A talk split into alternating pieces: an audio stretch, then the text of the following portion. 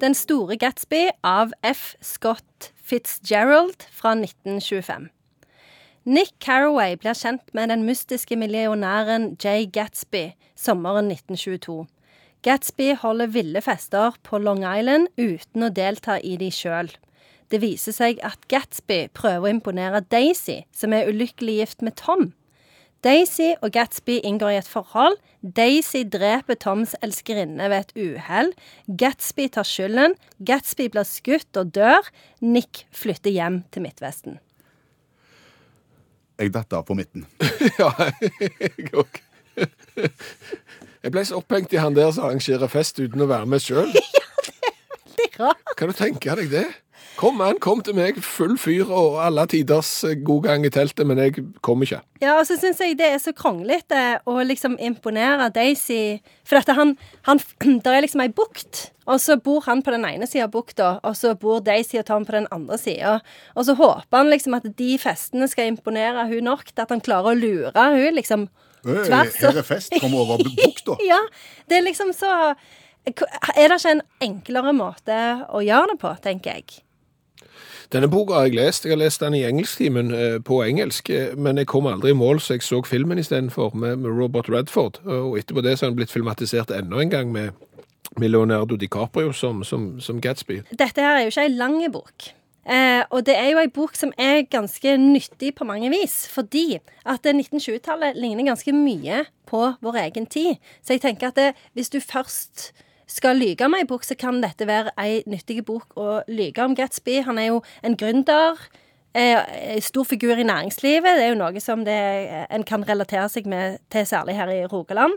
Og så er det jo dette her med 1920-tallet. Det var jo en sånn en periode hvor det var utrolig mye sånn teknologisk nyvinning, og det skjedde mye med økonomien, og eh, feminismen var på fremmarsj. Plutselig begynte kvinner å gå med bukser. Så det, det var veldig mye eh, på gang som ligner på det som skjer i dag. Så jeg, hvis jeg treffer en gründer i næringslivet, Ja. så sier jeg, vet du hva, du minner meg om Gatsby. Ja. Da treffer jeg. Da treffer du. Og da blir han litt sånn uh, wow. For det eh, F. Scott Fitzgerald han, var, han er jo litt sånn Hemingway-aktig type. Menn blir veldig imponerte hvis du har lest noen av de. Eh, og så tenker jeg òg, på grunn av disse her store festene, da, at dette kan være ei ganske nyttig bok å ha med seg inn i julebordsesongen. Ja. Sånn, Det er jo lett å Da har du ei bro med en gang. Dette er en fest. Gatsby hadde fester. Jeg har lest Gatsby. Sånn, Så dette, da, har du, da kan du åpne en samtale med hvem som helst, når som helst. Er du sikker på at det er det rette temaet et stykke ut i julebordet? Komme dragende med Fitzgerald? Det er kanskje Ja, det, det, det er Nei, nei, det er Jeg har ikke vært på så veldig mange Nei. julebord, for jeg, akkurat nå er jeg jo selvstendig næringsdrivende. På slutten av julebordet så skal du begynne å rakke ned på sjefen og alle rundt deg. Du skal ikke begynne å komme dragende med Ok, Great men, Gatsby. men hva med litt tidlig, da? Før liksom folk har eh, drukket noe særlig, og det er fremdeles litt sånn folk føler seg litt fram? Det kan være. Ja, Men det du må passe på, da, er at du ikke begynner å snakke om han så seint på kvelden at du begynner liksom For det er jo litt komplisert plott utover eh, Ja, så det er litt boka. vanskelig å si navnet Fitzgerald. Ja, det, det er det. Det er jeg helt enig i. Ja. Er det Så et sitat vi skal ta Ja, med oss? ja, da, ja, det er det. Livet begynner på ny når luften blir skarp om høsten.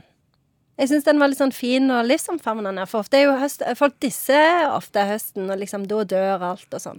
Men eh, Fitzgerald kom med litt sånn nytt perspektiv på høsten, så jeg tenker kan være fint. Ta med seg videre.